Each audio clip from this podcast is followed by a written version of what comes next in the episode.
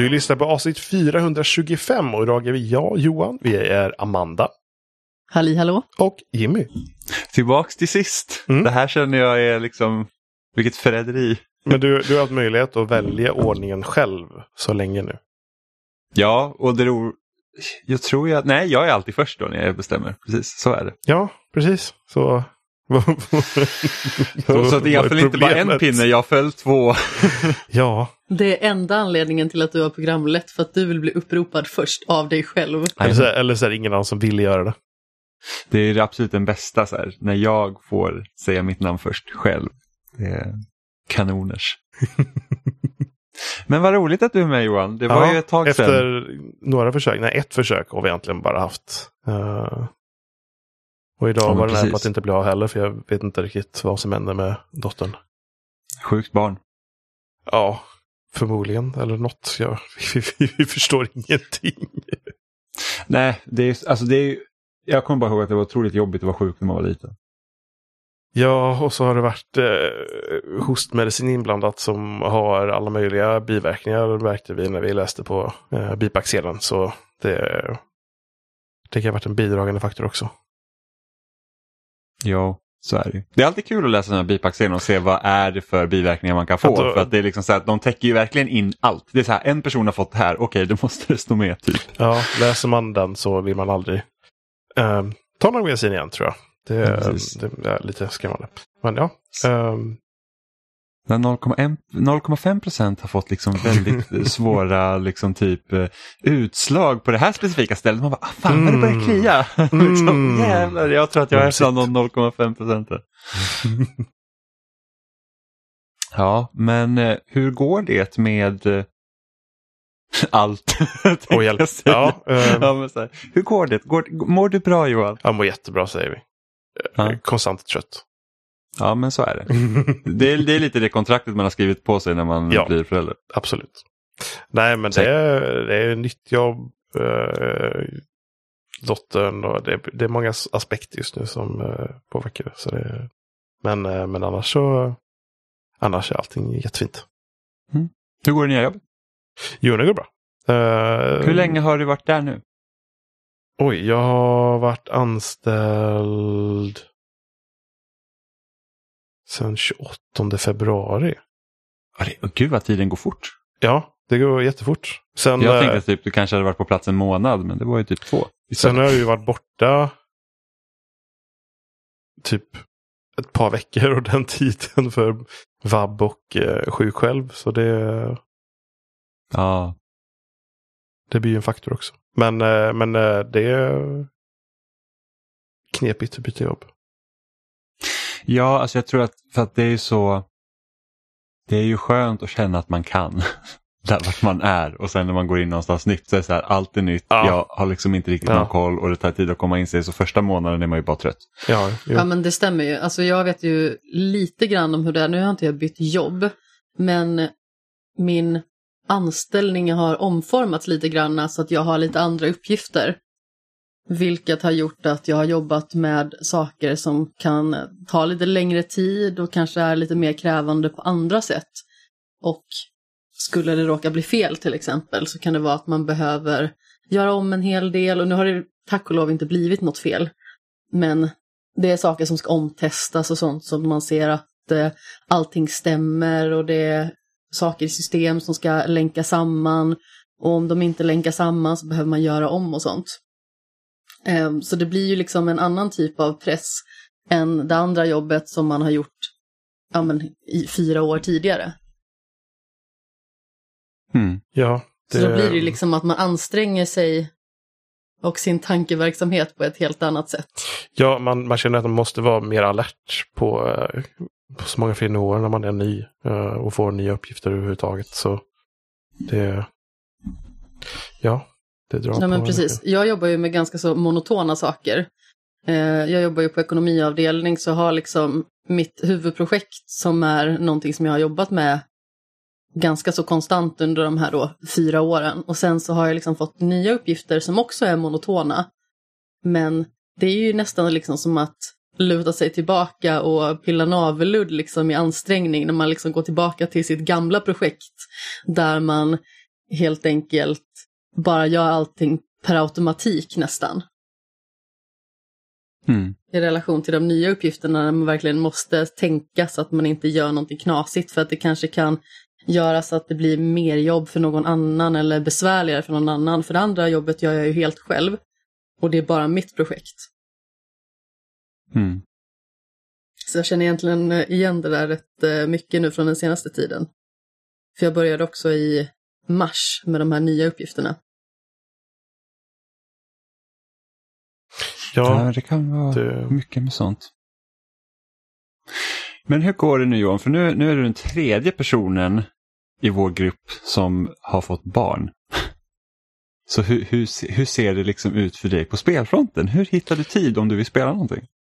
Ja, det är väl när My sover för det mesta. Så det är en stund på kvällen och är det helg så är det en stund på dagen när hon sover middag. Ehm, det är väl allt i princip. Ehm, Mm. Och det är ju inte alltid som det blir spel då. Då kan det ju bli att man har serier att kolla på eller filmer att kolla på. Ehm, så det var inte mitt superduper mycket spelande egentligen faktiskt. Jag har uh, suttit vid datorn och spelat uh, spel man bygger tågbanor. Eh, jag har börjat på Mass Effect.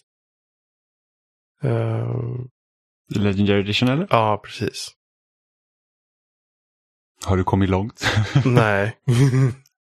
jag har typ hunnit att eh, åka iväg med skeppet när man har fått det för sig själv. Liksom, så det är precis i början. Mm. Du bara hoppade, den är min! Och så bara flög du iväg. Eh, jag måste bara säga det apropå Mass Effect. Det var jätteroligt för att du och jag gick till Espresso House igår för att vi gick en ganska så gedigen promenad på förmiddagen och sen skulle vi åka in och eh, ta varsin eh, bulle. Och eh, då var det en tjej där som såg min Normandy Flight Crew-tröja och tyckte att den var jättefin och att hon gillar Mass Effect också. Så då blev jag väldigt glad, för det är ju liksom inget spel som det känns som att gemene man känner till så himla väl. Det är inte Mario liksom. Nej. Men det är fort, jag blir fortfarande förvånad när folk liksom känner till spel. Liksom att, att vi ändå... Jag känner dess existens. Ja, men det är typ så här, för vi är ju ändå, alltså vi som är födda liksom på början av 90-talet, vi är ändå vi kommer ändå från den generationen där spel inte var allmänt accepterat. Eller liksom att det är en liten nischad grupp som spelar spel. Idag spelar alla spel i princip. Alltså oavsett om det är på eh, en konsol vid tvn, din switch eller om det är liksom på mobilen. Alltså alla som har en smartphone har förmodligen eh, liksom spelat någonting på den. Eh, och det är liksom så här att jag förväntar mig inte i vardagen att när jag har liksom på mig en spelrelaterad t-shirt att någon bara åh, det är det där. Som jag var på Liseberg förra sommaren. Och jag hade Hollow Knight t-shirten på mig. Och bara, ja ah, men ser fram emot Silksong. Och jag var så här bara, jag vet, inte, jag vet inte vad den här personen pratar om. Då blir jag den här så här, bara, öh vadå? vad, vad är Silksong? typ. Och sen när vi gick därifrån, jag bara, men just det. För jag tänkte inte på att jag hade en spelrelaterad t-shirt på mig. Så det blir så himla märkligt. Ja men precis. Alltså, förr i tiden så var det ju att spel var någonting för töntar och eh, alla coola ordinära kids. De höll inte på med sånt nonsens. Jag var ändå en rätt så bra klass. Jag tror vi typ, vår klass i grundskolan, eller när jag började i fjärde klass, så hade ju typ, jag typ tio personer som hade en GameCube. Vilket var väldigt ovanligt med tanke på att Playstation 2 var så dominerande. Men det var liksom, alla typ hade GameCube, så det var ju nice. Men det är liksom så här rent allmänt så är det inte så att, alltså, jag höll ju inte på med Alltså jag höll på med liksom trav och sånt när jag var yngre och där var det ingen som spelade för alla tyckte om att vara ute och hålla på med hästarna. Men alltså jag liksom, Men bara för att spel har blivit mer populärt än vad det har varit tidigare så är det fortfarande så att vissa områden är ju mer populära än andra. så är det. det För stämmer. det, det finns ju jättemycket liksom nischade delar av spelkulturen, eller tv-spelskulturen, som inte är lika stora. Ja men exakt, så har jag liksom en Fortnite t-shirt så förväntar jag mig att de, de flesta kommer känna igen det. Ja. Kommer man typ en t-shirt med typ, jag vet inte, vad finns det för typ så här, ja men Disco Elysium till exempel. Ingen det så här- kommer fatta någonting.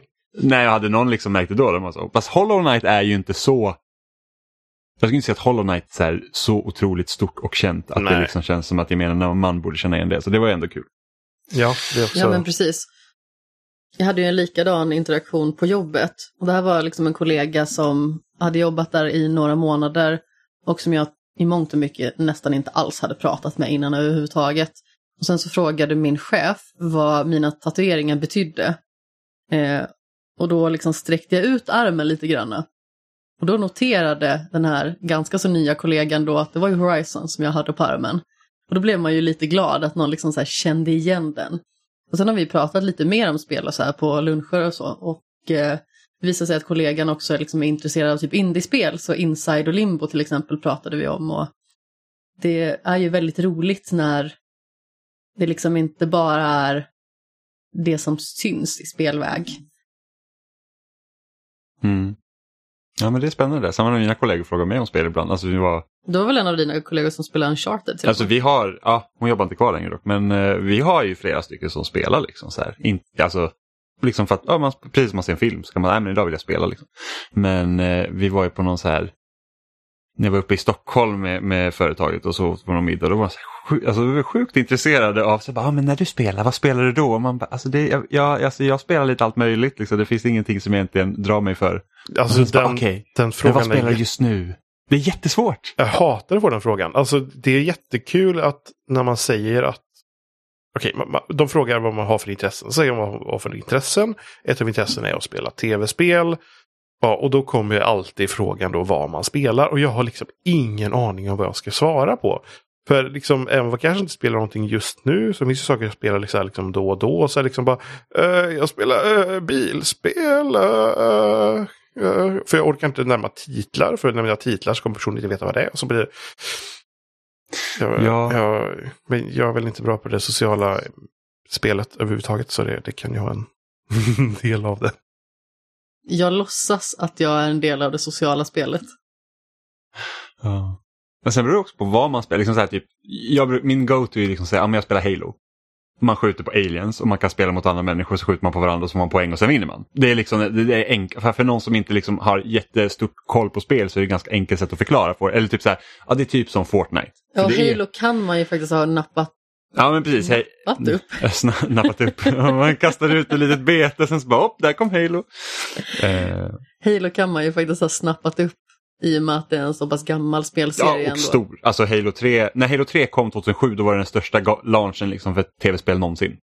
Eh, så att, att Halo är liksom inget litet varumärke. Men, eh, Nej men precis, men det kanske inte är någonting som gemene man känner till. Men det är någonting som i alla fall folk möjligen kan känna till. Mm.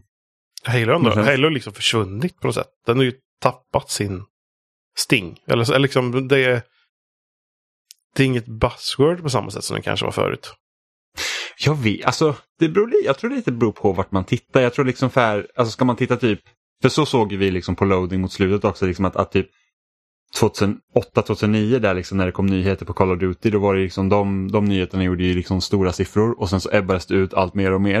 Eh, men jag tror typ i USA och sånt då tror jag fortfarande liksom COD och Madden och, och liksom sådana spel är fortfarande stora nummer.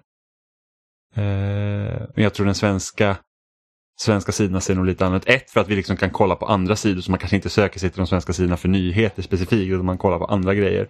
Men sen tror jag också att vi och det här har vi pratat om förut, men jag tror också så hur spelpressen i Sverige har varit uppbyggd med Superplay och Level och det här liksom hur de har sett på spel så tror jag att vi har liksom mer vaggats in i att också liksom inte bara se till liksom de större titlarna utan att man liksom kollar även på Alltså man ser spel på ett annat sätt och där tror jag att den svenska spelpressen har varit ganska bra och försöka liksom höja upp hela mediet på det sättet.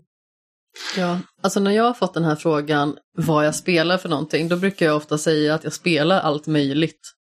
Alltså ja, men sen inte får man ju, bara det. Sen får man ju följdfrågor, ja, Nej, vad är det då? Jag brukar ju utbrodera lite grann, alltså redan när jag säger att jag brukar spela allt möjligt, men eh, just nu spelar jag det här. Och eh, det här spelar jag ganska så ofta. Och det här är ett av mina favoritspel. Så, alltså, så brukar jag liksom gå kring det så att man vet liksom så här, men det här är vad jag brukar göra. Det här är vad jag gör just nu. Det kanske inte hör till vanligheten. Alltså liksom mm. sådär. Så att man liksom försöker ringa in sig själv någorlunda i vad det är man sysslar med.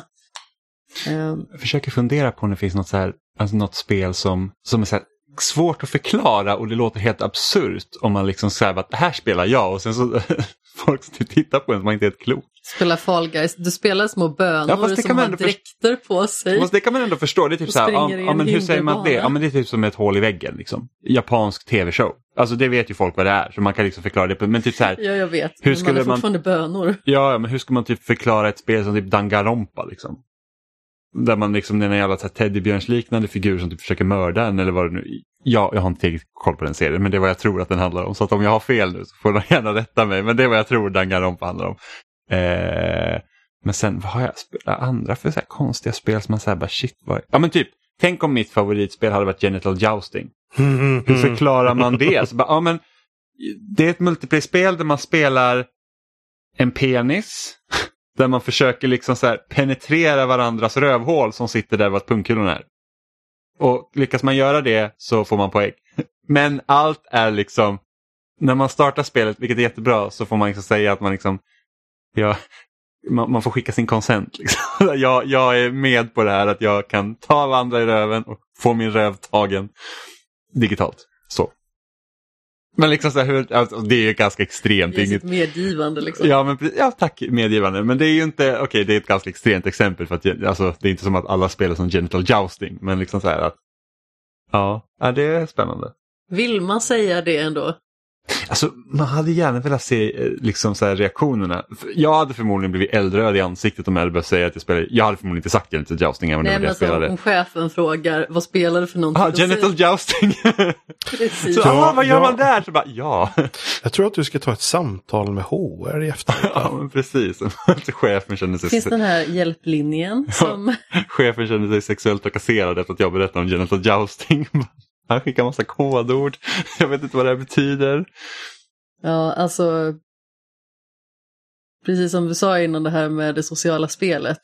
Eh, ibland så försöker man ju liksom skådespela att man är en del av det, men ibland kan man ju känna sig lite märklig. Och det är till och med så att en av mina kollegor som var kollega för ännu längre tid sedan, sedan innan jag jobbade på ekonomiavdelningen, satt upp och jobbade hos oss en eftermiddag och då satt vi hade någon diskussion vid våran eh, lunch och då sa jag någonting som jag inte minns vad det var. Det var kanske någonting om bläckfiskar. Och eh, då sa den här gamla kollegan att eh, jag tydligen alltid vet så konstiga saker. Ja, Alltså Så där säga, har vi mig på arbetsplatsen. Jag är den som vet konstiga saker. Ska man ta det som en komplimang eller liksom? Ja, det är lite lurigt att veta. Fast jag hade ju också det här på jobbet häromdagen. Det är liksom så här att vi, vi har en kollega som heter Gunilla. Hon brukar fråga mig en massa saker för att jag brukar liksom ha koll. Och sen börjar en massa andra människor också komma till min plats. Jag så här bara, så här typ eh, eh, chefen för experterna kom. Han bara, "Ja, men Jimmy hur fungerar det här med parkeringsbeviset? Hur, hur lägger man till en extra bil? Och jag bara så här, ja jag visar. Jag bara, gud vad konstigt att han kom till mig. Alltså, vi brukar inte ha så stora så här, interaktioner med varandra. Men så är här, parkeringskillen. Va, varför kom han, liksom hur, hur fick han veta att jag hade koll? Och sen kom någon annan kollega och, så här, och typ eh, frågade någonting annat. Jag var så här, fan vad märkligt. Liksom. Det kom massa personer som inte vanligtvis brukar komma hit och fråga mig om saker. Sen så, sen så sa Gunilla till mig, hon bara, ja Jimmy, du vet alltid så mycket så att så fort någon kommer och frågar mig och jag inte vet så skickar jag dem till dig. Och man bara, ah, det förklarar saken. så att det, ja, det är rätt kul. Men det här tågbyggar, eller tågbanespelet som du pratade om som du har spelat, vad är det för något? Alltså det är så här Transport Tycoon-spel typ. Uh, som ja, heter Transport Fever 2. Best of Tyskland. ja, det är, det är nog tyskutvecklat faktiskt tror jag. Ja. Eh, De älskar ju sina simulatorer. ehm, nej, så det är...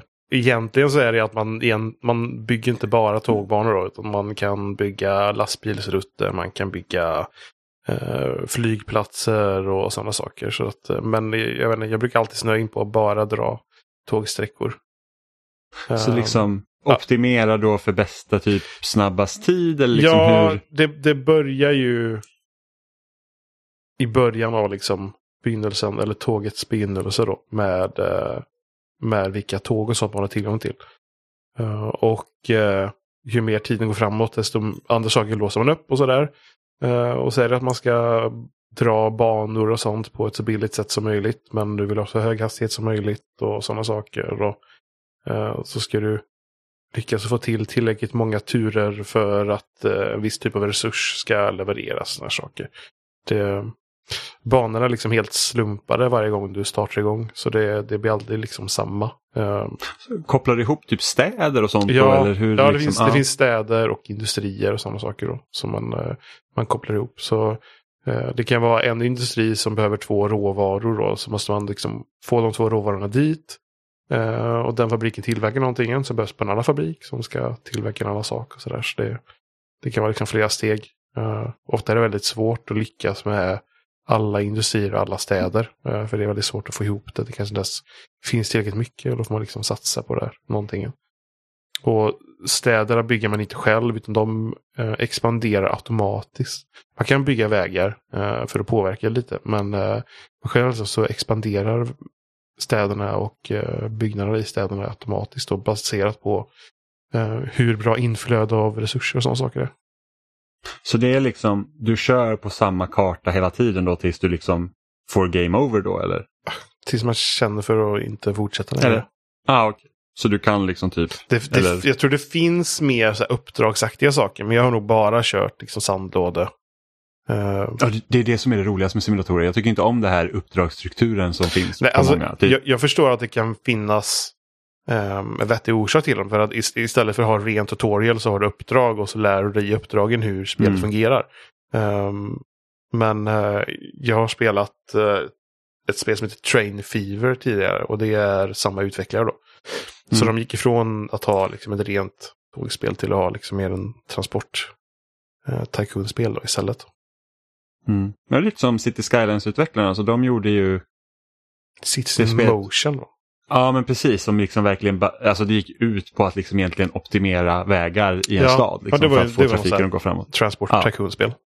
Ja men precis, och, nu, och, sen, och det var ju liksom, när man spelade Cities då var det ju verkligen, man såg ju hur mycket liksom tankekraft det låg bakom att bara liksom fixa vägar och sånt och liksom mm. se, här blir det stopp, hur ska vi dra runt vägen då och nu blir det stopp där. Så att liksom, en, alltså, mina vägar kunde ju se helt galna ut bara för att bara säger det här är en nödlösning nu för att bara lätta upp här. För ja. att typ vet, mina jag, liksom, polisbilar kom inte fram. Jag vet att eh, om jag byggt en stad i City Skylines och så har det blivit någon form av liksom huvudväg eller så här genom staden. Eh, motorväg eller så här som liksom går igenom staden. Så staden är delad i flera.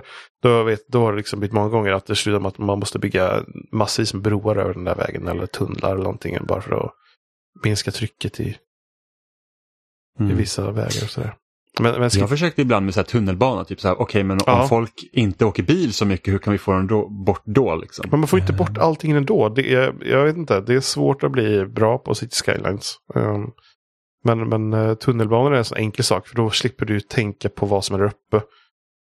Mm. För man, är klart, man kan bygga busslinjer då, men då har du redan problem med trafiken. Och så skriver ja, busslinjer, ja men då får du bort viss trafik. Ja men så blir det ofta att man bygger kanske någon klump med industriområde typ. Och så har man städerna på ett ställe. Då blir det massa varutransporter som går där i, och, och sådär. Så då blir det ju det som... Mm. Och sen så i city så kan man också liksom begränsa. Du kan ju sätta så att ja, men på den här vägen så får liksom inte tung trafik köra. Ja. Eh, så att du har ju så otroligt många valmöjligheter. Ja. Eh, Emma byggde ju mycket cykelvägar. Alltså hon var ett, hon var ett galen med sina cykelvägar. Hon bara, ja, men jag har följt efter den här personen nu som har suttit i kö här hur länge som helst och jag har tittat exakt hur den beter sig och sen så typ planerar hon en cykelväg ut efter liksom det problemet och sen så typ löste det sig. Det var helt sjukt. Rondeller brukar också kunna vara bra att få till. Eh... Men eh, sådana spel är ju perfekta när man eh, som mig då sitter och kan spela liksom då och då. Och ibland kan jag spela mycket, ibland kan jag spela lite. Det är ju bara att starta, köra en stund och sen är det bara att spara när man är klar. Sen kan man fortsätta på samma ställe. Och så behöver man inte tänka... Man, det blir inte riktigt samma som eh, med, med vissa andra spel och så. När det är antingen story eller något annat som man kanske inte kommer ihåg. Ja men precis, eller, eller att du måste leta upp en checkpoint eller sparpunkt mm. eller vad som helst. Utan jag tycker att alla spel borde man inte kunna ha så att man kan spara när man vill. Ja. Jag stör mig som fan på när man inte kan göra det. Och jag förstår ju att det finns ju en grej att ha sparstationer typ i skräckspel för att du ska inte kunna känna dig säker. Men då tycker jag ändå så här att det finns ju liksom en lösning så att okej okay, men om du sätter den här sparpunkten nu då kvittar du spelet. Det är liksom men, ingen sparning som du kan ladda om och om igen. Men det är en klassisk sak att på jättemånga PC-spel så har du nästan alltid quick save och quick load på någon av F-tangenterna liksom. Mm. Och, och det kan ju vara att det finns liksom portar av det spelet till konsol. Men på konsol får du tillgång till det av någon konsolanledning. Nej, det är jättekonstigt. Det är väl, jag skulle säga en av de få spelen som har fått in någon form av liksom quick save, quick load. Det är typ Skyrim.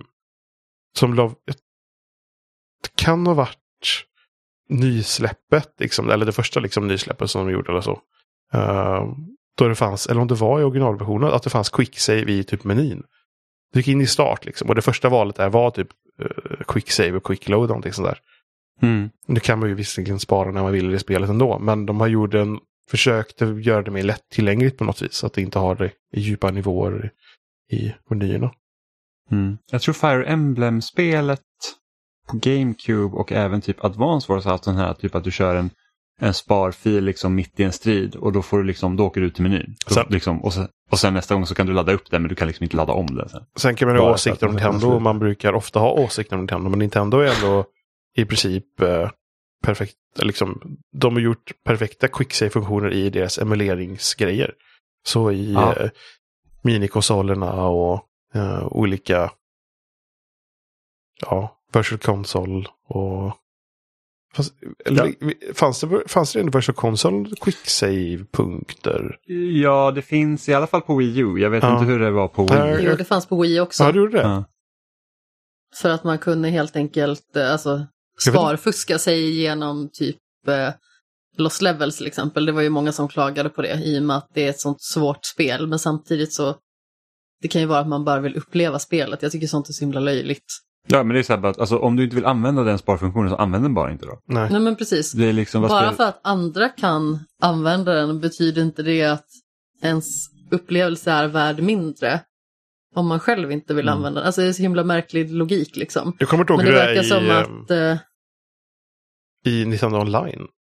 Är du, hur många, där kan man också quick-savea va? I uh, SNES och NES-grejerna va?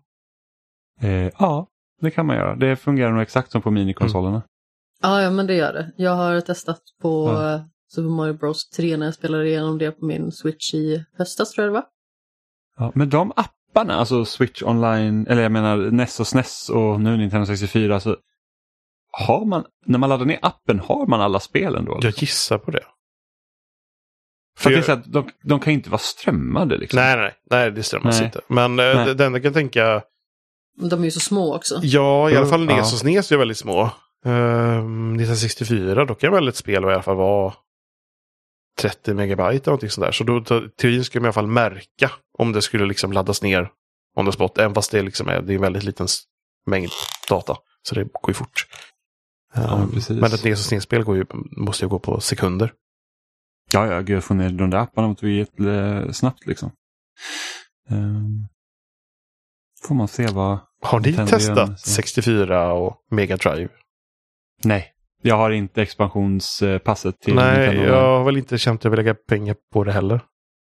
Så jag var ju väldigt sugen på typ så här, ah, men det ska vara kul att liksom testa Mario Kart 64 online. Liksom, för att, ja, eller F-Zero X för den delen. Eh, jag tror F-Zero X finns eller om det ska komma.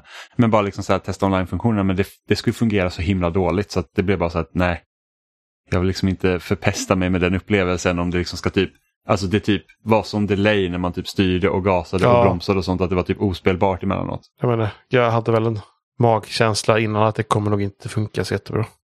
Mm. Men- Det är typ klassiskt Nintendo också i, i vissa fall, liksom det här med att de typ, ja här är det personen med sämst internet, så då, då benchmarkar vi efter den då för resten av gruppen också. För det är därför Ja. det inte går att typ spela Smash online, det är ju nästan omöjligt att spela mot randoms. Det är, matcherna kan ju gå typ i slow motion. Jag vet, man det, har bara, väl, det har väl varit mycket rykten om att eh, Nintendos infrastruktur för eh, online-spel är typ supergammal och är från typ Wii-tiden. Ja, ja, men alltså de hade ju typ, om det är nu två år sedan det kom ut med att de fortfarande liksom hade så här kryssruta för så här Windows 98.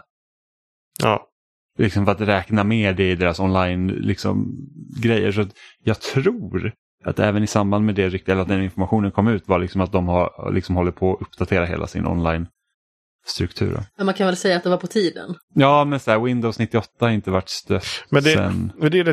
Nintendo satsar ju inte... Alltså, Nintendo kan satsa helhjärtat på, på viss typ av saker. De kan satsa helhjärtat på att eh, Mario-spel ska vara på ett visst sätt. Eller de kan satsa helhjärtat på att men, vi gör, nu gör vi det här Zelda-spelet. Eller så här. Men, men att satsa helhjärtat på en sak som online-funktioner, det, det gör de bara inte. Det, det känns som att det alltid är ett experiment. Ja, speciellt nu liksom, nu är det ju verkligen, alltså nu lever vi egentligen en sån tid där det är liksom självklart Mm. att online fungerar på ett visst sätt i princip. Och Nintendo går ju helt emot det. det är alltid så att man, ja, man vet inte om det funkar riktigt som det ska. Eh, vilket är väldigt tråkigt. Men det blir så besynnerligt när vi liksom sitter på konsoler som Playstation 5 och Xbox Series-konsolerna. Och de ska liksom på något vis vara självklara. Alltså vi tänker ju knappt på att vi använder online när vi gör det. Nej, precis. För att det liksom bara flyter på. Men när man ska använda någonting som är liksom i samma region när det gäller Nintendo, alltså då är det ju nästan alltid problem. Alltså jag vet när vi har spelat eh, Among us till exempel. Alltså det har ju funkat, men det är ofta det liksom har stökat och bökat. Men jag tror att det också kan bero på mångas... Så kan det eh, naturligtvis också vara. Men det finns ju andra Nintendo-spel. Ja, ja, men det är så här att ibland när man spelar Mario Kart online så bara nej, går inte. Nej, men precis. Jag är överraskad över hur bra Mario Party fungerade när vi spelade Ja. med eh, Stefan och Ida. Ja, det fungerade ju jättebra liksom. Alltså den online vi körde i Mario Party. Så det, det, liksom, så det går ju. Alltså typ, även typ, ja men Splatoon har ju också funkat bra online förutom att man inte kan liksom sitta i ordentliga partys. Eller kunde då i alla fall när det var nytt. Och sen så Mario Kart fungerar ju oftast bra även om det finns vissa så här liksom problem. Men Smash fungerar typ inte alls. Om man inte spelar med folk man känner. Sorgligt i och med att det liksom är en sån stor kultur kring just Smash. Ja, ja, det hade varit jättekul liksom att kunna spela. Alltså jag hade ju spelat mycket mera. Både, alltså, både Splatoon när det kom, nu kom ju trean i, i sommar då, och eh, Smash om det hade liksom funkat på ett vettigt sätt. Det är liksom, alltså, man har inte accepterat det här på något annat. Det är som, tänk om Halo hade fungerat lika dåligt. Eller liksom typ Battlefield när det inte funkar. Det är inte att folk bara säger nej men det är så det är. Utan det är liksom, folk säger till. Så det är lite märkligt. Ja, men eh, vi kan väl se om eh, ett par Nintendo-konsolgenerationer så kanske de är ikapp. ja, men man tycker Eller det. Alltså, det... ikapp nu och då blir de efter då eller något. Jag vet inte. Det, Ja, men precis. För att de var ju ändå tidiga med online. Liksom. DSen fungerade ju liksom bra för sin tid. Ja, hade jag, jag tror inte jag hade något vettigt wifi på 19DS-tiden. Eller så hade jag det, men jag körde inte Ja, så vi mycket. hade, vi hade det online inte, just. men man passade ju på liksom när man var typ ja, men hos någon som hade online och sen hade ju Nintendo hade ju massa samband typ så här med McDonalds och typ tågstationer och sånt. De hade en Nintendo Wi-Fi Connect eller vad det nu kallades. Så Ja, det liksom fanns Wi-Fi hotspots eh, de också kunde testa. Men liksom, de var ändå snabba med online. Liksom, att det, det är inte det känns ju inte som en självklarhet att liksom en bärbar konsol som kom 2005 skulle ha liksom wifi. Ja, PSP hade det också. Jo, jo. Men det är liksom så här, Sony känns också mer i framkant när det kommer till de sakerna. Jo. Eh, men liksom så att, Men det känns lite granna som att eh, när det gäller online-spelande så går det lite i rangordningen som företagen är stora liksom. Om vi tar Microsoft till exempel så känns det ju som att deras online-lösningar oftast är bäst och mest smidiga. Det är också det företaget som är störst. Sen har vi Sony. Det kan också vara så lite svåråtkomligt ibland. Men generellt sett fungerar det jättebra. Och sen har vi Nintendo som är det minsta företaget av de tre stora liksom och där fungerar det sämst. jo. Sen så liksom, sen tycker jag ändå att Sony sen PS3-tiden liksom steppade upp sitt game. Liksom, för att på PS3 var det jättemycket så här konstigheter och liksom så här, det var Alltså det var bökigt att hantera liksom online och speciellt Jo, när man liksom satt jämte med 360 och sen till PS4 så de bara, ja men typ löste nästan alla problem som, som man liksom jag hade med PS3 och sen har de bara kört vidare på det. Sen så ändrar de ju såklart saker lite här och var som man säger, varför ändrar ni det här? Det funkar ju. Eh, jag kommer aldrig glömma början av Xbox One-tiden för att Microsoft, jag tyckte de verkligen lyckades kanon med sitt liksom online-system på 360. Det var så att det går att bjuda in till party, du, bjuder, du liksom skickar spelinbjudan och allting sånt. Fungerar kanon. Sen kommer Xbox One och de bara så här, den här maskinen ska göra allt åt dig. Så du kunde inte bjuda in någon till party, du kunde inte bjuda in någon till ett spel. Utan du fick typ starta ett party och då fick dina kompisar som var online för att ah, Jimmy har startat ett party nu, vill du hoppa in? Eller typ när jag skulle spela Peggle 2 tillsammans med en kompis, då var det så att om jag startade Peggle 2 så fick han en notifikation om att oj, nu har Jimmy startat Peggle 2, vill du joina? Och ibland så dök inte det upp och då fanns det liksom inget sätt för oss att spela tillsammans. Nej, men det kändes som att de kanske försökte ta det ett steg för långt som eh, de kanske tyckte på pappret var jättepraktiskt, men i realiteten så fungerar det inte. Ja, nej, men I det är så här att, synnerhet liksom, om det är sådana glapp som gör liksom, att eh, de möjligheterna missas. ja, men helt bisarrt. Verkligen. Men Johan, Jag? har du något spel du ser väldigt mycket fram emot som inte har släppts än? Åh, hjälp. Ehm. Ja, uh, uh, spel. Jag har uh, jättedålig uh, koll på På vad som saker. kommer. jag vet inte. Men om du hade... Switch Sports. Ja men precis, Switch Sports Ja. Johan. nej, jag vill... Det ser jag i och för sig sjukt mycket Ni- fram emot. Nintendo får gärna släppa alla Zelda-remakes de har gjort till Switch, typ. Uh, Ja, alltså det är liksom det är lite det som är problemet med Nintendo, att de sitter ju liksom med de här spelen som är låsta till respektive konsoler och sen så bara, äh men, ja, det får vara så. Speciellt nu när de ska stänga affären också. ja, när, när var de skulle göra det? Nästa år tror jag. I, Var det, på näst, sommaren. var det nästa år? Det var väl i år? Va? Ja, jag- nej, de begränsar väl typ inköp och sånt i typ juni eller juli tror jag. Eh, så att man inte kan köpa från, jag kommer inte ihåg exakt hur det var, men jag tror att det, det är först nästa år som det liksom stängs ner helt och hållet. Då. Ja, fast man kommer kunna ladda Jag ner spel man har köpt. Ja, men det är någonting. Jag har för mig att man, skulle typ, man hade typ ett år på sig att inhandla. Ja, kanske det var. Jag vet att det finns flera typ så här Game of Advance-spel och sånt jag hade gärna velat köpa till, eh, till min Wii U i så fall. Men det är så att varför kan de inte bara varför kan de inte bara släppa någon sån typ Gameboy-app till switchen då?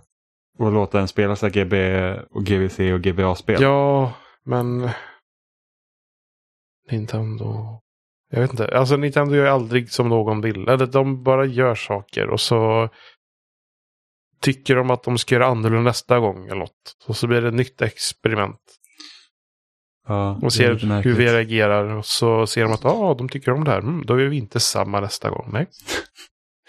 Nej men precis, de försöker hela tiden uppfinna hjulet en gång till och det Ja. blir liksom så många olika sorters lösningar så att De, de det går ju aldrig liksom att föra förra generationen vidare på ett smidigt sätt. Det, det är såklart, alltså. Nintendo gör jättemycket bra saker. Alltså det, det, det är inte det.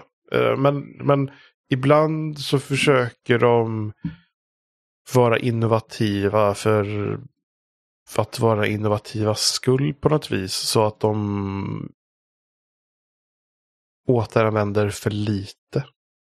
Samtidigt så är väl Nintendo att de får mycket kritik för att de återvänder och släpper samma spel om och om igen. Men eh, rent teknologimässigt så gör de väl kanske inte det. Eh, de kommer inte så mycket framåt riktigt. På något vis. Ja, fast de typ gör väl det. Det är väl klart att eh, online på Switch på vissa sätt funkar bättre än på Wii U. Och Wii U funkar bättre med online på eh, vissa sätt än Wii och så vidare. Men det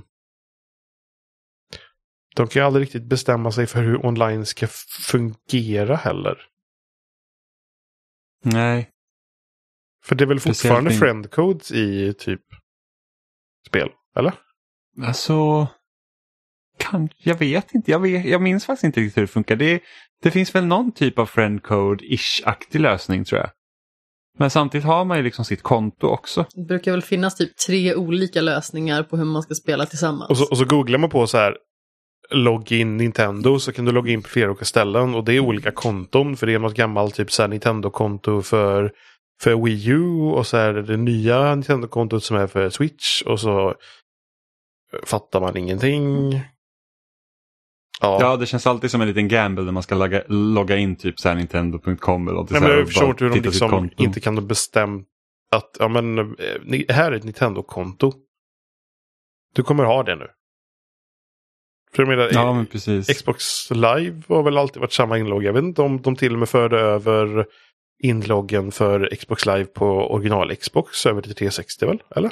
Jo, Ja. jo, det tror jag. Det har, har du haft ditt konto sedan eh, originala Xboxen så, så är det samma du kan Ja. köra med fortfarande. Det är liksom...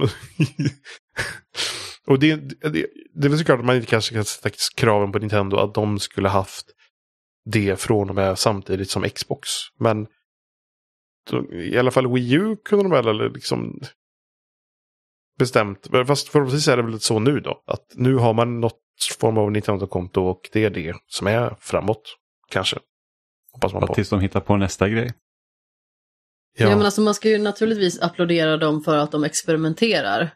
För att det är ju liksom så man för de olika tekniska lösningarna framåt. Men samtidigt så känns det som att ibland så gör de det för komplicerat för både sig själv och för alla andra. Så jag vet inte, I det- onödan. Det känns som att i världen av ehm, sociala medier och man får ändå väl se på något sätt som de här online-funktionerna på konsolerna som någon form av liksom, social medie.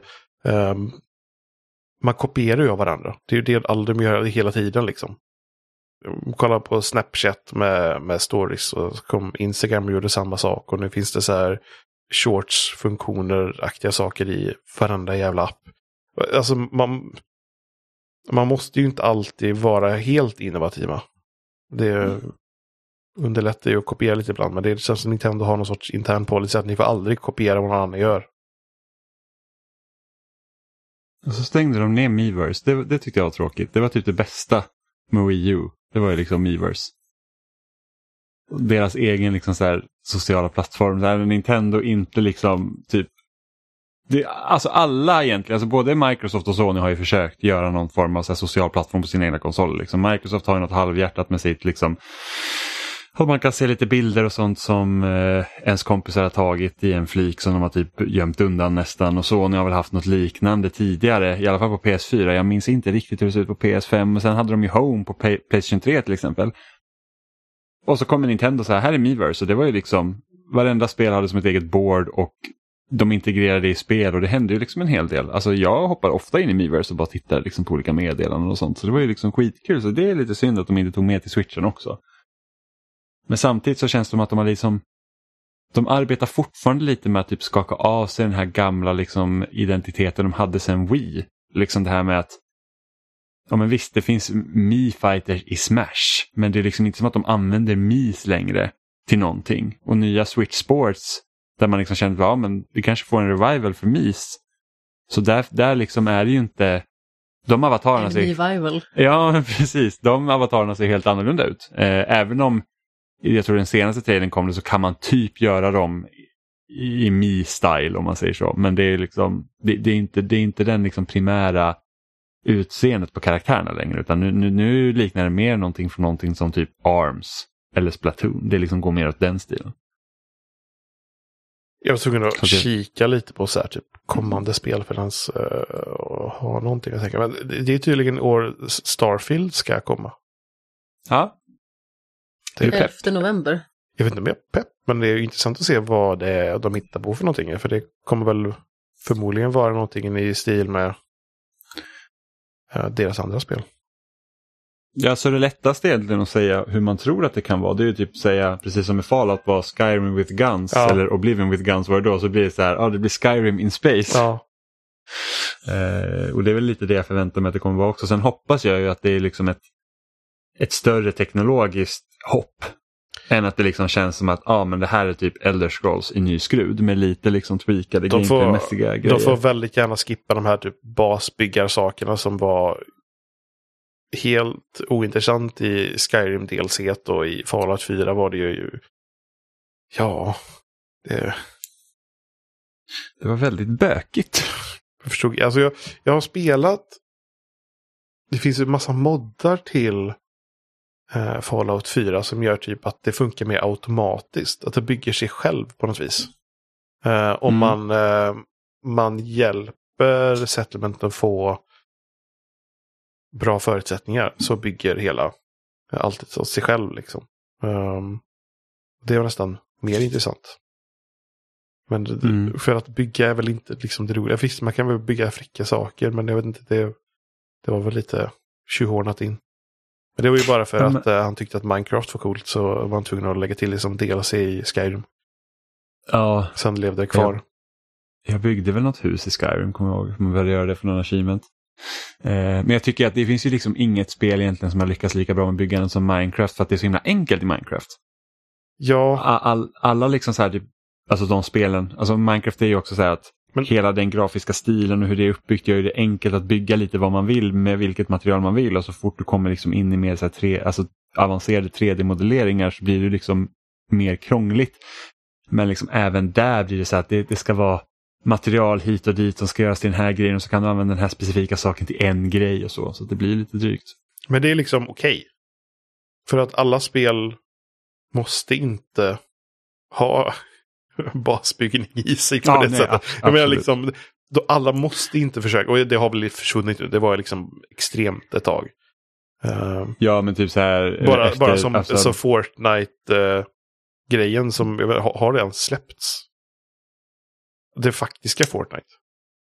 Eh, jag vet inte Eller det typ så här räknas som Save the släppt. World eller någonting. Eller vad hette det? Typ? Jag, jag vet inte om Save the World har gått in i 1.0. Jag, jag minns faktiskt inte. Men det, det är inte, Eh, hur som helst är det inte relevant längre.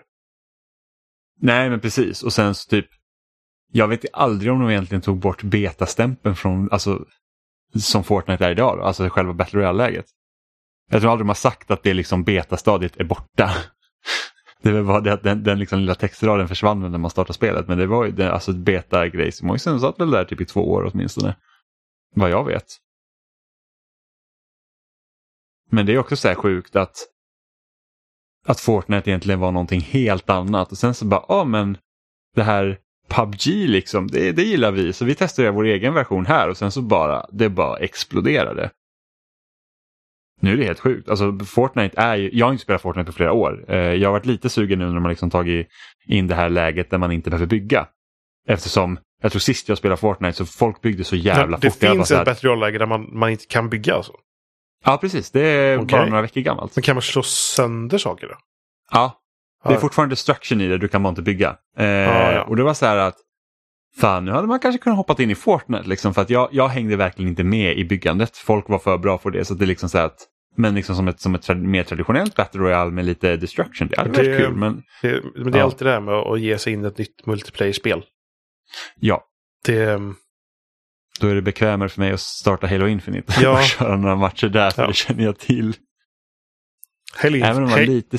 På tal om spel jag har spelat, jag har ju spelat Halo Infinite jag har inte spelat, och, spelat klart det, men där har jag väl spelat en bra stund i alla fall.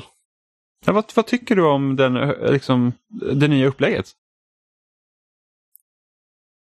Alltså, jag, osäker faktiskt. Alltså jag känner inte att det är en perfekt, liksom, en hit heller riktigt. Eh, Men, och, men jag har väl inte upplevt att jag känt det dåligt heller. Jag, jag, jag vet inte, jag är osäker faktiskt. Mm. Det... ehm,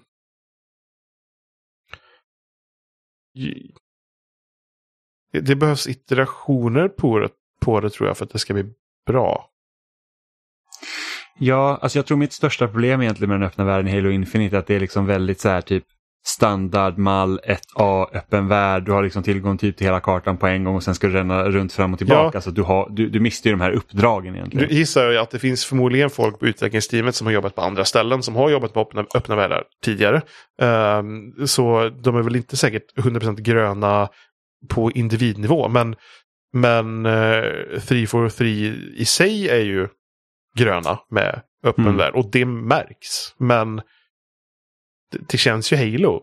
Men det, det, det, det liksom slår inte rätt bara. Men sen så har jag inte spelat klart storyn. Så jag, just på den nivån har jag liksom ingen aning om hur det binds ihop. Om det är bra i slutändan eller Mm. dåligt. Men eh, Jag hade nog nästan föredragit att det är typ alltså mer åt egentligen God of War 2018 hållet. Det här med att liksom att du får nya förmågor, du, på så sätt öppnas nya delar av kartan upp så det känns som att du organiskt liksom egentligen utforskar den här platsen. Ja, istället för att det, är- alltså, Nu öppnar du Du upp det bara för att de känner för det. Eller så. Eller Ja, och sen har du de här baserna, du kan kalla in lite egna vapen, lite egna fordon liksom, så att det blir liksom så det, att mm, Okej, men, men visst, alltså jag har ingenting emot valfrihet, men liksom det, det som är nice med Halo det är att här kommer liksom den här tankbanan. Liksom. Nu har du de här, den här arsenalen har du nu. Så nu får du liksom enjoy. ja, Liksom och, och lös det med det, det vi har gett dig. det blir ju inte lättare för utvecklarna heller. När du öppnar upp för fler möjligheter.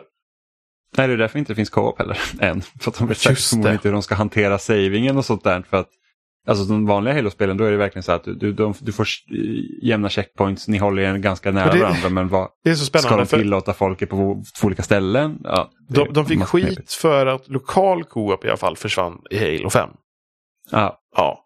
Och, och det märker ju, då måste de ju förstå att eh, co-op överhuvudtaget är viktigt. Och så, att det fortfarande inte släppts än alltså.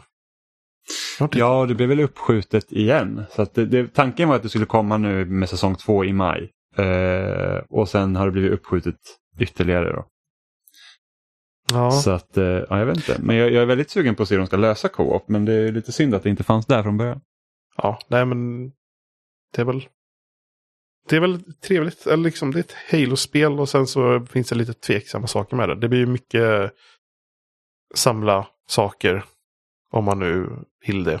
Och det vill man väl kanske, för man måste väl typ samla saker för någon sorts poäng för att låsa upp nya fordon och vapen i, i så här. Ja, ja men Baserna. precis. I, ja, och egentligen behöver man bara samla upp så man får den där jävla typ helikopter eller flygplanet så att man kan ta sig snabbt överallt. Ja, just det. Har du sett tv-serien också? Ja, nu ska vi se. Jag har, jag kommer inte ihåg om jag missade ett i veckan eller inte. Hur många avsnitt finns det? Tre? Jag tror det finns fyra Ja, va? har vi, sett- vi, har, vi, ja, vi har också bara sett Mm, tre. jag har också bara sett tre. Ja. Och... Okej, eh, så ignorerar man att man någonsin har vetat någonting om Halo överhuvudtaget så är den väl okej. Mm. Och Ja, det är jag, lite där också vart vi landar tror jag. Jag, jag förstår att de har gjort som de har gjort. Eh, för att nå en bredare publik.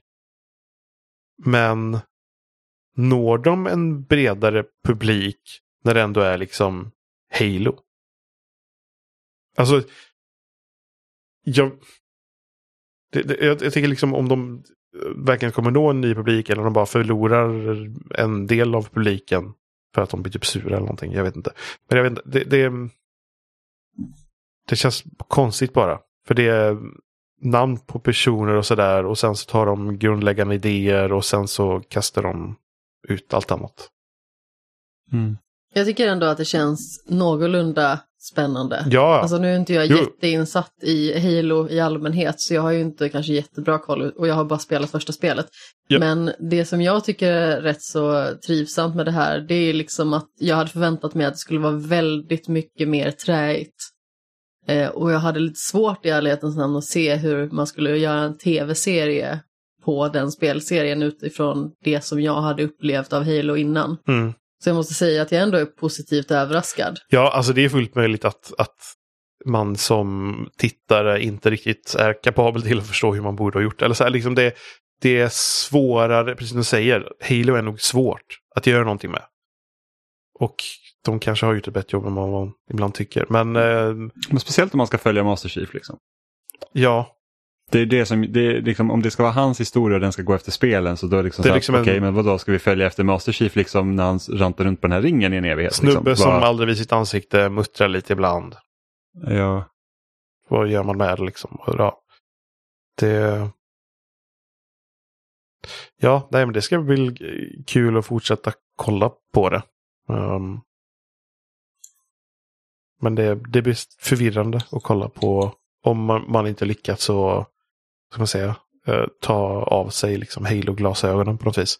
Men, men jag hade liksom, jag var nog på minusnivån när det gäller liksom förväntningar. För jag såg ju liksom när det började komma på Rotten Tomatoes och den började liksom sågas totalt av varenda liksom recensent. Alltså riktig eller vad ska man säga, tidningsrecensent eller så här och inte liksom eh, mm.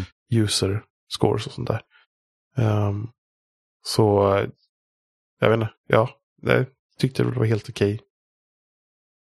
Bra. Alltså, ja, det är en helt okej Det är samtidigt liksom- samtidigt så betalar jag för en prenumerationstjänst nu som jag eh, undrar varför jag betalar för. Också. Ja, jo. Det finns ju så många prenumerationstjänster. Ja. Alltså Paramount hade väl många, de hade mycket deals med Netflix. Medan de hade ju den här Star Trek eh, Discovery-serien till exempel. På, på Netflix. Sen blev den dragen Mm. därifrån och så fanns den bara på Paramount Plus. Eller något. Mm.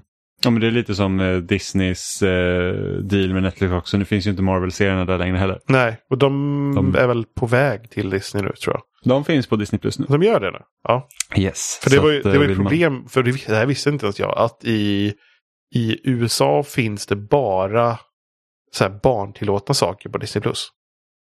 Ja. Allt annat hamnar på Hulu är det väl? Ja, Hulu eller jag tror att de har en egen app för typ Stars också. Och den har ju vi som en kategori Ja. i Disney Plus här. Jag hade ingen koll på överhuvudtaget. Liksom, så här. För jag liksom läste liksom, kommentarsfält på internet. Bara, ah, det kommer aldrig komma Disney Plus för det är barnförbjudet. Man bara liksom, alltså jag kan kolla på Aliens. ja, men hur? Man bara. Jag förstår inte. Men eh, ja, det väl bara att de har strukturerat det lite olika på olika ställen. mm. Men ja, det, det, det blir problematiskt när det kommer till serier och sånt nu när alla ska ha egna streamingtjänster. Och det är väl såklart, ska man kolla på det ur någon sorts kapitalistiskt synsätt och sådär, valmöjlighet och bla bla bla bla bla och eh, konkurrens och hit och dit och höger och vänster så eh, går det väl att tycka att det är bra eller något. Men jag vet inte. Det känns bara som att eh, det är för mycket. Alltså drömmen är ju liksom att ha det samlat på ett sätt som gör det liksom överskådligt och samtidigt förstår man ju att det krävs ju konkurrens för att, det inte ska, för att inte priserna ska öka till absurdum och att liksom Ja. det stagnerar. Ja. Men det är så att nu har vi ju det är så här, Netflix, HBO och Disney+. Plus. Mm. Sen har ju Apple sin Apple TV+. Plus. Discovery Eh, plus. Amazon. Discovery, Amazon Prime. Eh, Jag menar, Seymour. Seymour, ja precis. Se- Så har vi Seymour, Paramount. Viaplay, ja Paramount ja. Så det finns ju massa så här. Och vi har, just nu har vi Netflix, HBO, Disney Plus och Apple. För att Apple fick jag gratis min telefon och sen har jag fortsatt betala för det. Och Ja, när det jag började betala för och när jag började betala för det, det var först då jag började titta på typ saker där. Mm. Så ja, och det är liksom så att jag skulle gärna vilja ha Amazon Prime också, det är jättemycket jag vill se där. Men det är så här, Ja, det har jag. ja. Jag vet inte varför. ja, men det finns ju typ så här, Yellow Jackets var jättebra. Jag kollade Eh, på, jag heter det, The Boys heter den väl? Eh, Ja, Superhjältegrejen. precis. Ja, vi har sett en säsong där och den är ju kanon. Liksom. Och sen kommer ju, sen har de ju Wheel of Time. Och sen kommer den här Sagan om ringen-serien. det kommer vara så ostigt. Jag ja. vågar inte tro på den överhuvudtaget. ja, jag vet inte. Det är så himla... Det, det är verkligen kul att se liksom, så att Game of Thrones tog fart och sen så att typ 10-12 år senare då kommer resten liksom eh, de här eh, fantasy-serierna. Det var ju samma sak när Lost liksom hade gått ett tag och sen försökte ju alla hitta sin egen liksom skruvade take på Lost. Det kom den här Flash Forward och fan var det någon annan jäkla serie som också hade några så här konstiga tidsaspekter och grejer. Som Ja. alla fick typ bara en eller två säsonger. Han fortsätter väl med samma tema själv. Abrams den här Alcatraz-serien när det kommer tillbaka ja. Alcatraz-fångar från dåtiden. Ja. Den, den fick också bara en säsong tror jag. ja. Och Under the Dome. Den Stephen King eh, eh, skrivna serien också. Det var helt plötsligt bara kom det en glaskupol på en stad. Så det var det. Typ. Jag såg första säsongen, den var inte bra. Ja, nej. Alltså man förstår ju naturligtvis att det kommer olika streamingtjänster och att alla har väldigt olika saker att erbjuda och alla har sitt egenproducerade material till exempel. Och det som blir besvärligt är ju när det hela tiden finns olika saker att se på varje. Och då känns det som att då måste man nästan så här skräddarsy sitt tittande för stunden. Ja, För att man kan liksom inte välja och vraka på samma sätt.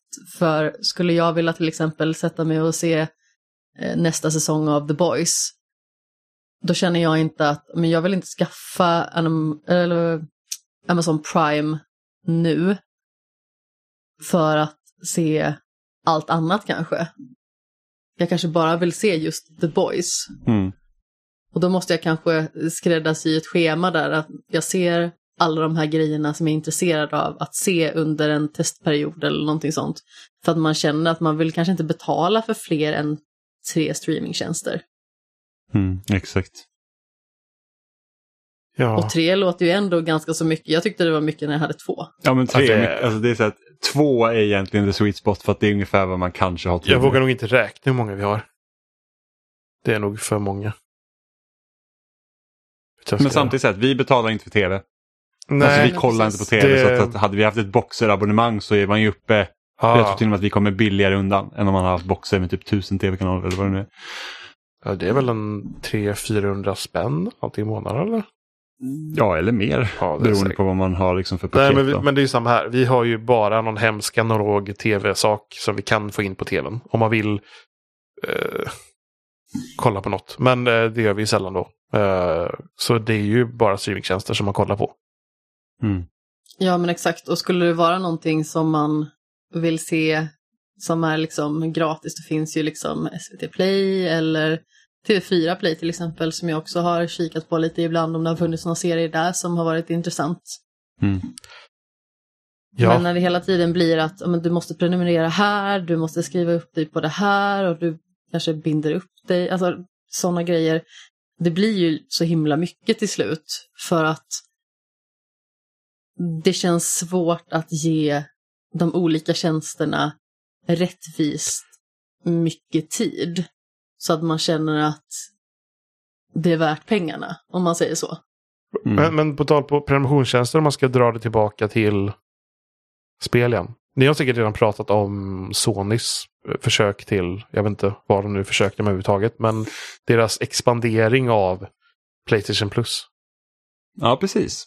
Det, det pratade vi när det var nytt. Eh, och frågan kvarstår egentligen så här att för att jag tycker, alltså Microsoft Game Pass-tjänsten är ju verkligen, jag känner att den är optimal på det sättet att du liksom egentligen man kan säga att du betalar och du har det här biblioteket och sen kan du då ladda ner de här spelen men du kan också köpa dem. Mm. Eh, till skillnad från Nintendo där du inte kan köpa något av spelen som ingår i deras prenumerationstjänst. Och då är frågan, Ja, hur kommer, hur kommer Sonys prenumerationstjänst hantera det här? Liksom för att nu vet vi att Playstation 1, PSP och Playstation 2-spel kommer finnas på tjänsten. Eh, och sen har vi då PS3-spel som kommer streamas. Så jag antar att de enbart streamade spelen förmodligen inte kommer kunna gå att köpa så du kan inte köpa dem nu på Men Playstation kommer, Now. kommer PS, PBS1 vara streamade eller nedladdade? De, de ska gå att ladda ner Ja, okej. också. Eh, men frågan är, kan du köpa loss dem? Det. Eller måste du prenumerera för att ens kunna liksom ja, spela dem? Ja, du tänker liksom Och- verkligen om det är Nintendo-hållet eller om det är eh, Microsoft-hållet. Ja. Mm. Eh, och jag hoppas att det är Microsoft-hållet för att det är så här att visst jag skulle kunna prenumerera på deras tjänst liksom, men samtidigt så att vill jag köpa typ, om man säger att Silent Hill till Playstation 1 kommer och jag, och jag vill spela det, då kanske jag vill köpa det istället. Men de tjänar ju mer på att man prenumererar. Mm. Jo, så Så att, Men eh, så att de vill ju... Mac- ja. Microsoft brukar även ha rabatter på alla spel som ingår i... Ja, ja, jag tror det är så att när, de, när spelen ska lämna Game Pass, Ja, då brukar de får du slänga- typ 20. Ja, men då brukar jag slänga på en extra, men det brukar nästan alltid vara att de som Ja, ingår okej. har alltså rabatt hela tiden tror jag. Ja, men det är mycket liten, liten summa. Och det är liksom, det är bra. Men ja, det är väl en fördel som... Det, det är gött att inte liksom behöva köpa spel ibland. Eller så. Ehm, Ja men just att man kan liksom bara prova. Alltså jag liksom så här att här är ett spel jag är nyfiken på men eftersom det inte finns något demo så kan jag inte prova på det. Och Ja. istället för att slänga då 300-400 spänn i sjön för att jag inte, kanske inte gillar det så kan man alltid ladda ner det, testa och sen så bara, ja ah, men det här var nice. Eller något. nej, men Det finns- Game alltså- Pass är ju trevligt ja. eftersom jag, jag har mitt Xbox Series X.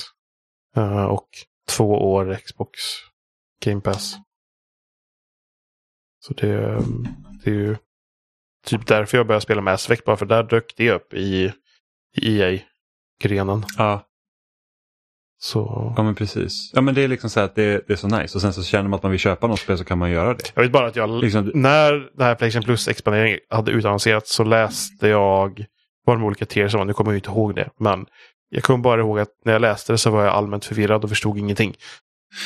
Det, Men jag tror det är så här, första, eh, första paketet som jag tror heter Essential, då är det egentligen Playstation Plus som det är idag. Enbart tror jag. Det är möjligt att kanske Playstation Now ingår också i det paketet. Nej, det gör det nog inte. Det är nog bara Playstation Plus. Du kan spela online och du får tillgång till cloud saves. Som jag inte, jag kom fan inte ihåg att man behöver Playstation Plus för att ha cloud saves, vilket är dumt. Eh, sen nästa steg heter Playstation Plus Extra. Och då får du Playstation Now, alltså eh, du kan streama Playstation 3-spel, du kan ladda ner Playstation 4-spel och sen antar i framtiden Playstation 5-spel. Eh, och det sista steget som Playstation Plus Platin, nej, Playstation Plus någonting. Var det premium kanske? Pre, ja, premium kan det ha varit, precis. Och då får du också tillgång till Playstation 1, Playstation 2 och PSP-spel. Plus typ exklusiva erbjudanden plus vissa typ tidsbegränsade demos. Men då blir det ju det där, när vi pratar om att köpa eller om det bara finns promotionstjänsten då. Kommer då PS1-spel? Ja. Och gud, ja. Oj. Det bådar ju inte gott när det är som det är. Nej, jag, jag tror att det bara är prenumeration. Det är liksom bara så att nej men vill du spela de här spelen så får du prenumerera. Du får betala en summa i månaden. Är det liksom bara för Eh. att Sony är japanskt eller? eller Jag vet inte. Nej, men det på- kan hända att alltså, just nu så, alltså, jag tror att det på, alltså, trenden liksom i, i sådana här businessgrejer är ju det att du vill ha in alltså, abon abonnenter. Du vill Ja. ha ett stadigt flöde av cash in och då, då ska du abonnera. Och varför? Men det är så tråkigt. Ja, precis så är det ju. Och bästa sättet att få in det, det är det så att nej men det här är det du får när du abonnerar. Om du inte abonnerar så får du ingenting av det här. Det finns liksom inga möjligheter. Eh, och det är ju tråkigt. För att jag hade ju sällan, alltså det finns säkert vissa spel som man, för att även de här Playstation 1, PSP och PS2-spelen, det är inte säkert att de liksom ligger statiskt på tjänsten. Eftersom spel roterar ju. Nej, så det är det det- som är så bra på Microsoft. Det är så att även om spel går in och ut ur Game Pass så kan du fortfarande köpa dem. Alltså innan och efter de finns där. Ja, vad- med, med spel som då ligger på, på den här Playstation-tjänsten då och säger att PS1-spel helt plötsligt roterar ut. Då kan du inte spela dem sen. Ja, För det är det att Microsoft på något vis hanterar alla spel som vanliga spel. Även fast det är ett Xbox Original-spel, även fast det är ett 360-spel, även fast det är ett Xbox One-spel så är, hanteras alla som vanliga spel.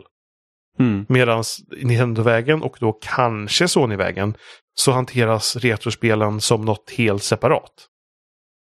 Ja, men precis, det Möjligtvis, liksom om bara- det blir så. För så. Det vet vi inte säkert. Men, men det blir så knepigt. Liksom. Varför kan inte bara allt vara spel? Mm. Men, Nej, men det är så här, låt mig, alltså visa tjänsten, alltså ni ger mig ett bra erbjudande med tjänsten, det här är varför du ska abonnera. Men då, då måste de ju få det förtroendet först. Ja. Men ge mig också möjligheten att köpa dem. För att, det kan ju vara så att om jag spelar det här spelet, fan vad nice. Och jag vill, inte, jag vill liksom alltid ha det och då kan man köpa det. men samtidigt För så det- det som Microsoft är ensamma med deras tankesätt med de här sakerna. Ehm, alltså även med bytet mellan generationer Xbox One och Series-generationen med att liksom de flesta spelen bara funkar. Du behöver inte tänka Mm. på någonting. Och även, fast spel, och även spel som har egna versioner så funkar det. Jag har läst skräckhistorier på PS4 och PS5, liksom hur man ska föra över filer och grejer. Och det, Ja, det börjar ju förbättra sig. jo, Alltså, men, är men jag liksom så förstår här- inte hur, hur det kan vara, inte vara fixat från början. Det är jättekonstigt. När, Ja, när, nej men det är jättemycket. Så typ när jag skulle, när vi skulle liksom fixa så här Spiderman, liksom föra över Spiderman-filer för så här Miles Morales och, eh, och eh, det första Spiderman då, så var det liksom så att då behövde man ju ladda ner Playstation 4-spelet på Playstation 5. Starta det, föra över sin fil liksom från molnet då. Och sen så gå in i PS5-versionen av spelet och sen ladda ner. för jag menar, Evelina är ju besatt av Assassin's Creed. Ehm, Mm. Så vi köpte ju Valhalla till på vårt Xbox One S då. Och hon spelade liksom en bit och sen så köpte vi Xbox Series 6. Och det var liksom bara liksom, ja, bara ladda ner spelen och sen så bara kunde hon bara fortsätta exakt där hon var. Och istället spelade hon Series 6-versionen som såg eh, sinnessjukt mycket bättre ut. Och det, det bara funkar. ja. Ja men det är jätteskönt, det behöver inte ens tänka. Sen så vet jag att det finns folk som bara, nej men jag hade ju hellre velat spela den äldre versionen på grund av ja, spara utrymme eller, eller typ det var väl någon gång så här att ja, men den sämre versionen har bättre framerate för det är någon bugg i den nya versionen. Så det kan jag ju förstå. Ja, men det är bara och sen så, så här gör att, de ju andra val också. Ja, Så det... men jag, men jag kan ändå vara så här att hellre att det är så här att du sitter på en Series 6, här är versionen. Än att jag måste sitta och krångla och så här bara att och sen kan det vara så ibland på Playstation 5 också, behöver ladda ner båda versionerna, både PS4 och PS5, men jag behöver bara en. Ja, det är... liksom, och, så, och I början var det väldigt så här att vilken version är det faktiskt jag laddar ner nu? Liksom. Mm. Men det, det är lite barnsjukdomar som förhoppningsvis är löst. Men jag tror att med Ghost of Tsushima Directors Cut så tror jag att du inte behövde hålla på och krångla med din sparfil utan det var bara att boota upp och så hämta den ur molnet. Ja. Det, Men det är liksom, så borde det vara från början. ja, jag förstår inte riktigt. Men, eh, men det verkar ju vara ett, ett sorts, sorts övergripande tema. Alltså det, liksom, det, eftersom det ofta handlar om att tjäna pengar. Eh, Microsoft har redan liksom snöat in sig på den här uh, bakåtkompatibilitetsgrejen. Men medan Nintendo och eh, Sony har, gör som vanligt typ. Så det, det, det är väl en vanlig sak. Så att, jag vet inte. Mm. Ja, verkligen. Amanda, hur går det i spelandet? Ja, men det går väl bra antar jag. Det börjar gå lite uppåt nu igen i alla fall, att man känner att eh, man börjar få igång glöden lite. Jag har ju känt att jag inte riktigt har varit med i matchen under ett tag. Men eh, nu har vi börjat spela Batman Arkham Knight. Vilket är i alla fall sex år sedan som jag spelade det sist. Och eh, det är bättre än jag minns det, måste jag ändå säga. När jag spelade det sist så kände jag ändå sådär att eh, men, det fanns en trygghet i att spela Batman. Just för att jag var på liksom en plats i livet som inte var så himla rolig och det kändes ändå som att det var någonting att hålla i när det blåser. Det var liksom det första som jag också spelade på min Playstation 4 när jag skaffade den. Men eh, jag hade ju naturligtvis problem med spelet för att jag tyckte att eh, den här bilen till exempel eh, höll inte måttet. Dels så var den kanske inte riktigt så funktionell som man hade hoppats på. Dels så finns det ju jättemycket sådana här eh, eh, stridsvagnssekvenser som känns väldigt malplacerade. Och eh, det finns ju en eh, av de primära fienderna som då har eh, eh, en jättestor insatsstyrka liksom som man måste bekämpa i mångt och mycket hela spelet igenom. Så de här sekvenserna när man måste skjuta och bombardera massa olika stridsvagnar. Alltså, det är ju liksom strid på strid på strid när man kör igenom staden. Eh, och jag minns att jag tyckte att det var mycket jobbigare då. Att ta mig an det. Eh, förmodligen för att jag kanske har blivit bättre på att skjuta. Så kanske jag känner liksom att det är lättare att ta sig an, att det är liksom lättare att ta det lite med en klackspark. Men det finns ju fortfarande där liksom. Men eh, men jag tycker ändå att jag minns förvånansvärt lite av berättelsen. Så jag vill ju ändå se hur den utformades. För jag minns inte exakt hur allting gick till. Och när jag tänker på spelet så var det vissa grejer som jag tänkte, men hände inte det här mycket senare i spelet? Jaha, det händer nu. Okej. Vad är det som ska hända sen då? Om det här händer just nu? Så jag känner ändå att det ska bli spännande att se liksom själva berättelsen eh, nystas upp återigen. För jag tror liksom att eh, de andra spelen är mycket mer liksom förankrade i mitt minne. Men det här spelet har jag bara spelat en gång. Och de andra spelen har jag kanske spelat, om vi då alltså säger de andra i Rocksteady-serien. Så har jag kanske spelat dem nästan ja, 12-13 gånger eller någonting. Ja, det är så Oliver-nivåer. Ja, men alltså, då menar jag sammanlagt. Ja, jag- både jag- jag förstod, Asylum men- City sammantaget. Jag tror att sist vi spelade Batman Arkham Asylum så var det väl kanske för sjunde gången åtminstone. Mm. Och sen så har vi liksom City på det. Ehm. Så det känns ändå kul att uppleva det här spelet igen. Och jag tycker det är kul att vi spelar det tillsammans för då kan man också liksom bolla idéer och bolla tankar och eh, dessutom så kan man liksom se om det är någonting som är lite oförståeligt. För de har ju liksom uppgraderat sig i hur eh, det ser ut liksom i menyerna och sånt. Och jag tycker att det är lite bökigare det här spelet. Jag tyckte det kändes mycket mer intuitivt och eh, lättillgängligt att till exempel byta manicker i de föregående spelen. Och hur man hittar till kartan och var man ska sätta ut sina pluppmarkörer och sånt liksom. Mm. Men alltså, det är väl sånt som man också vänjer sig vid. Mm. Jag känner väl, nu, när vi ändå har spelat, nu har vi inte spelat de här spelen back-to-back, men liksom Asylum och City är mer färskt i minnet än det var när jag spelade Arkham Knight första gången. Och det är det att jag tycker att man märker, alltså man såg både från Asylum till City liksom vad som hände med spelet när det gick Open World och liksom City var ju mycket så att du har den öppna världen som egentligen knyter an de här olika liksom typ Dungeons eller tempel eller vad man nu vill kalla dem. Liksom, så att man har, du kommer in liksom i den här eh, ja, men, Olika typ lokaler, sågverket och liksom då är det en bana. Och sen kommer du in liksom i, polishuset, då är det en bana. Medans eh, Asylum var ju liksom, det var ju som ett Metroidvania, så det var ju helt, det var helt sammansatt på det, Det sättet. var ju som en enorm bana. Ja, det var som en enorm bana med olika delar som sitter ihop med varandra. Men liksom, det kändes som ett följsamt liksom, att man går igenom det. Och, och nu när vi spelar om både Asylum City så kändes det att jag kanske gillar upplägget med Asylum mycket mera.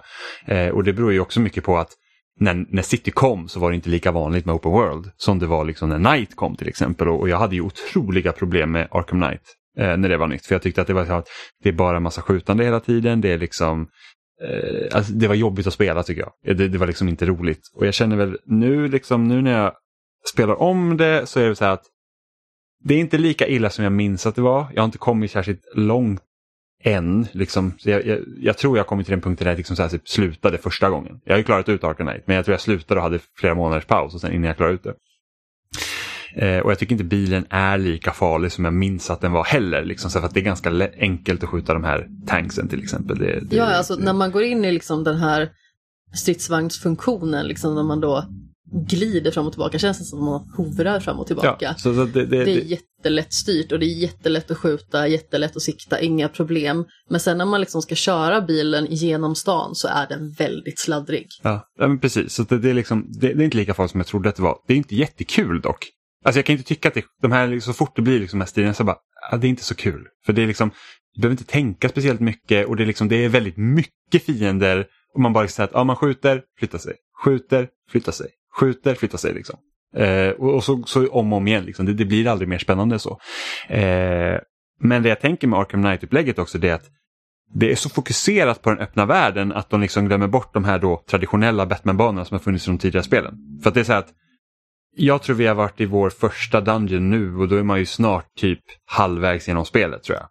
Och det var liksom, ändå kändes inte det som ett djupgående som man går igenom typ sjukhuset eller går igenom sågverket eller något sånt. Utan det var liksom bara så att jaha, det här var det. Resten liksom spelas ute liksom i den öppna världen hela tiden. Liksom att, ja, men gå, gå till den här pluppen, hämta någonting, skjut några bilar och så ska man tillbaka och gå någon annanstans. Och sen har du alla de här typ sidoaktiviteterna som varit i Batman liksom, som, är, som är väl hit or miss egentligen. Eh, vissa saker är mindre roliga än andra men det är liksom inte, även de sidouppdragen är inte riktigt på samma nivå som jag tycker de var i City. Men det är så att det känns lite som att de genom att gå mer och fokusera mer på den öppna världen så liksom tappar lite bort det här, vad som gör Batman extra roligt. Känner jag. Ja men precis, man längtar ju verkligen till varje knytnävslagsmål eller vad man ska säga. För att det är ju väldigt mycket Batmans stridssystem när man faktiskt är Batman själv som är det roliga, tycker jag. Alltså om vi tar liksom det mekaniska i sig. För att där har man liksom så himla många olika valmöjligheter. Man kan använda sina manicker om man vill, men man kan också liksom bara agera helt akrobatiskt och föra sig mellan de olika fienderna och kontra och attackera och svepa och hoppa och snurra. Alltså man kan göra väldigt mycket. Men man kan också liksom använda sin batterang eller sin klo eller vad man nu ska använda. Eh, så det finns jättemycket sätt att vara kreativ på i striderna och sen liksom när man har sådana här smygarstrider där man då håller sig över huvudet på sina fiender och då ska vara kreativ i att lösa det som ett pussel. Alltså att men du har kanske en fiende som går runt på ett visst ställe eh, och då kanske du behöver ta ut den från marken eller du kanske behöver ta ut den från bakom en vägg eller ja, men, en fiende kanske du kan ta från luften. Det kanske är så pass lätt att den bara går förbi och så kan du göra liksom en eh, inverterad rörelse där du plockar den från marken till exempel. Mm. Eh, så det är ju liksom väldigt mycket i det mekaniska som Batman som jag förälskade mig i när man spelade de tidigare spelen. Eh, och det finns ju fortfarande här. Och så fort man börjar slåss som Batman så känner man sig så himla häftig. Eh, och jag tycker ju att varje gång som jag tar ut en fiende, oavsett liksom om det är en fiende som är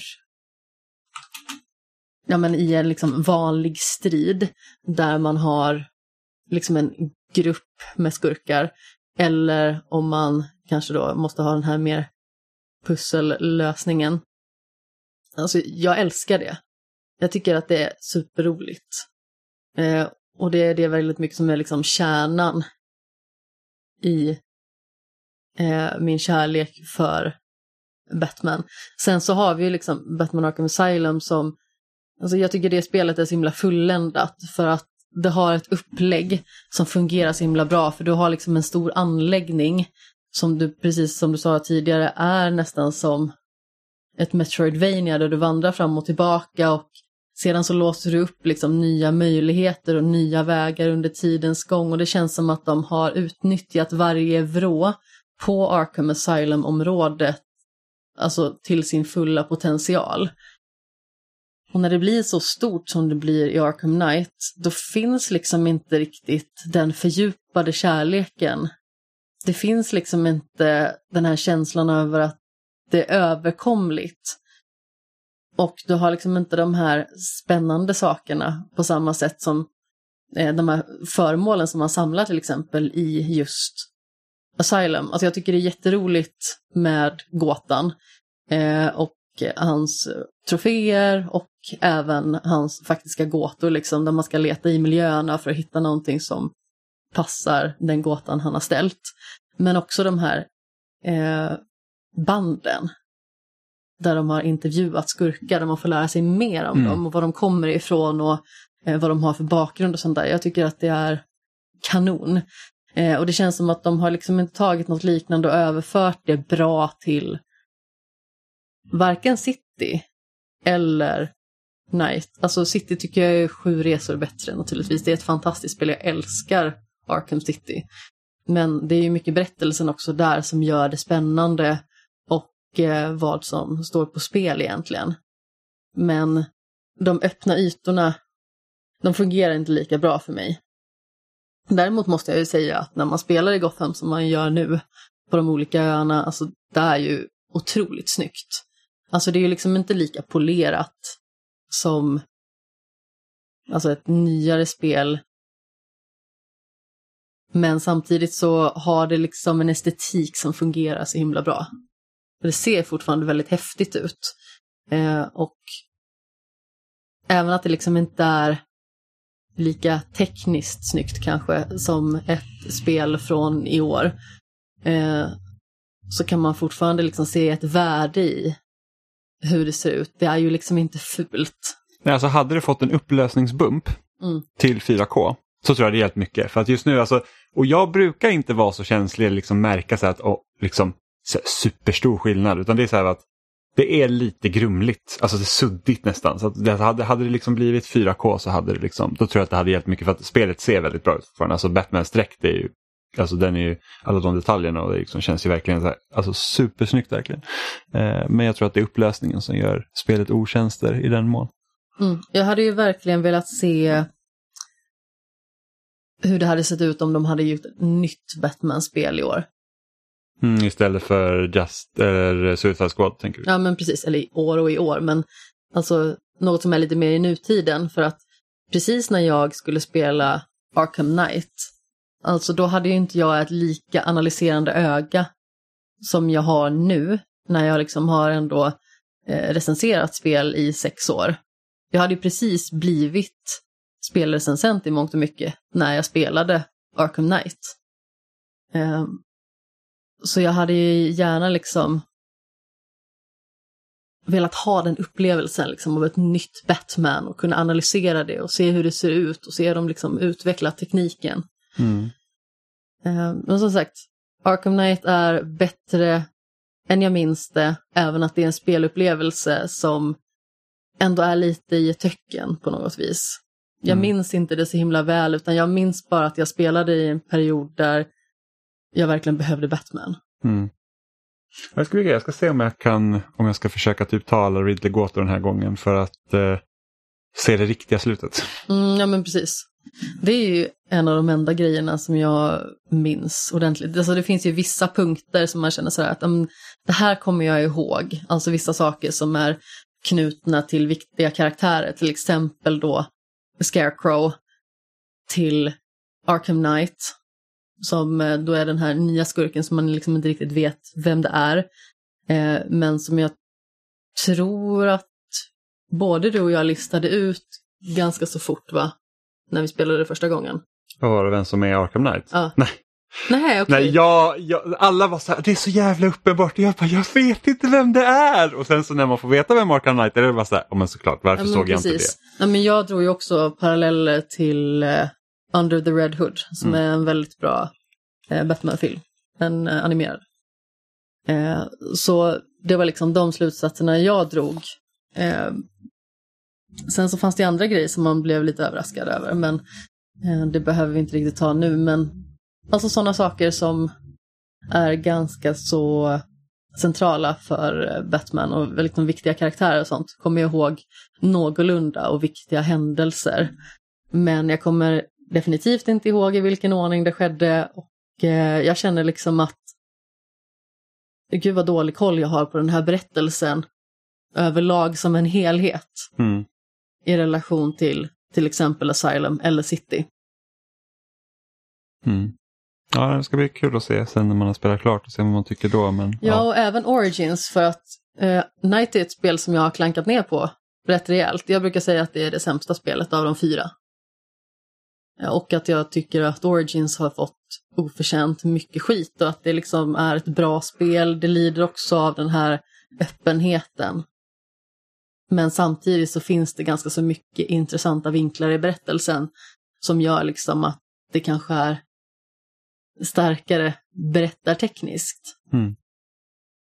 Men det ska bli intressant att se liksom hur man ställer de två spelen gentemot varandra när man upplever dem nu eh, åtta respektive ja, sex år senare. Liksom.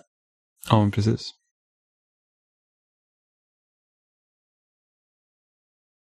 Eh, ja du Johan, Ja du.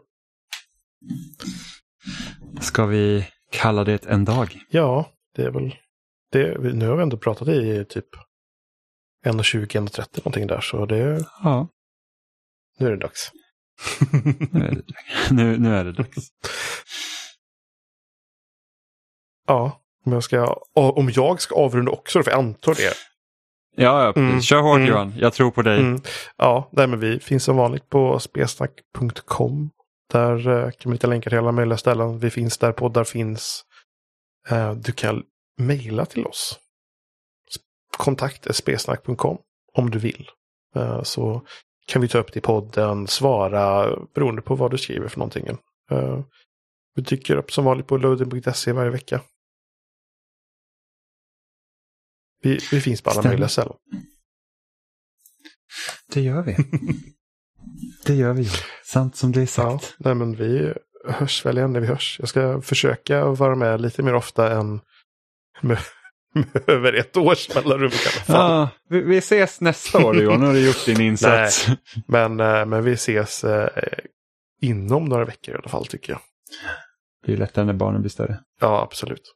Men, eh, men det ska... Kan de rasta sig själva? Ja, precis. Låser in henne i rummet bara. Håll tyst. Nu. bara slänger ut henne på bakgrunden och bara svärv. Ja. Nej men eh, vi hörs nog ganska snart igen tror jag. Och vi hörs om inte annat nästa vecka. Ja, det gör ni. Hej! Hej då! Puss i ljumsken!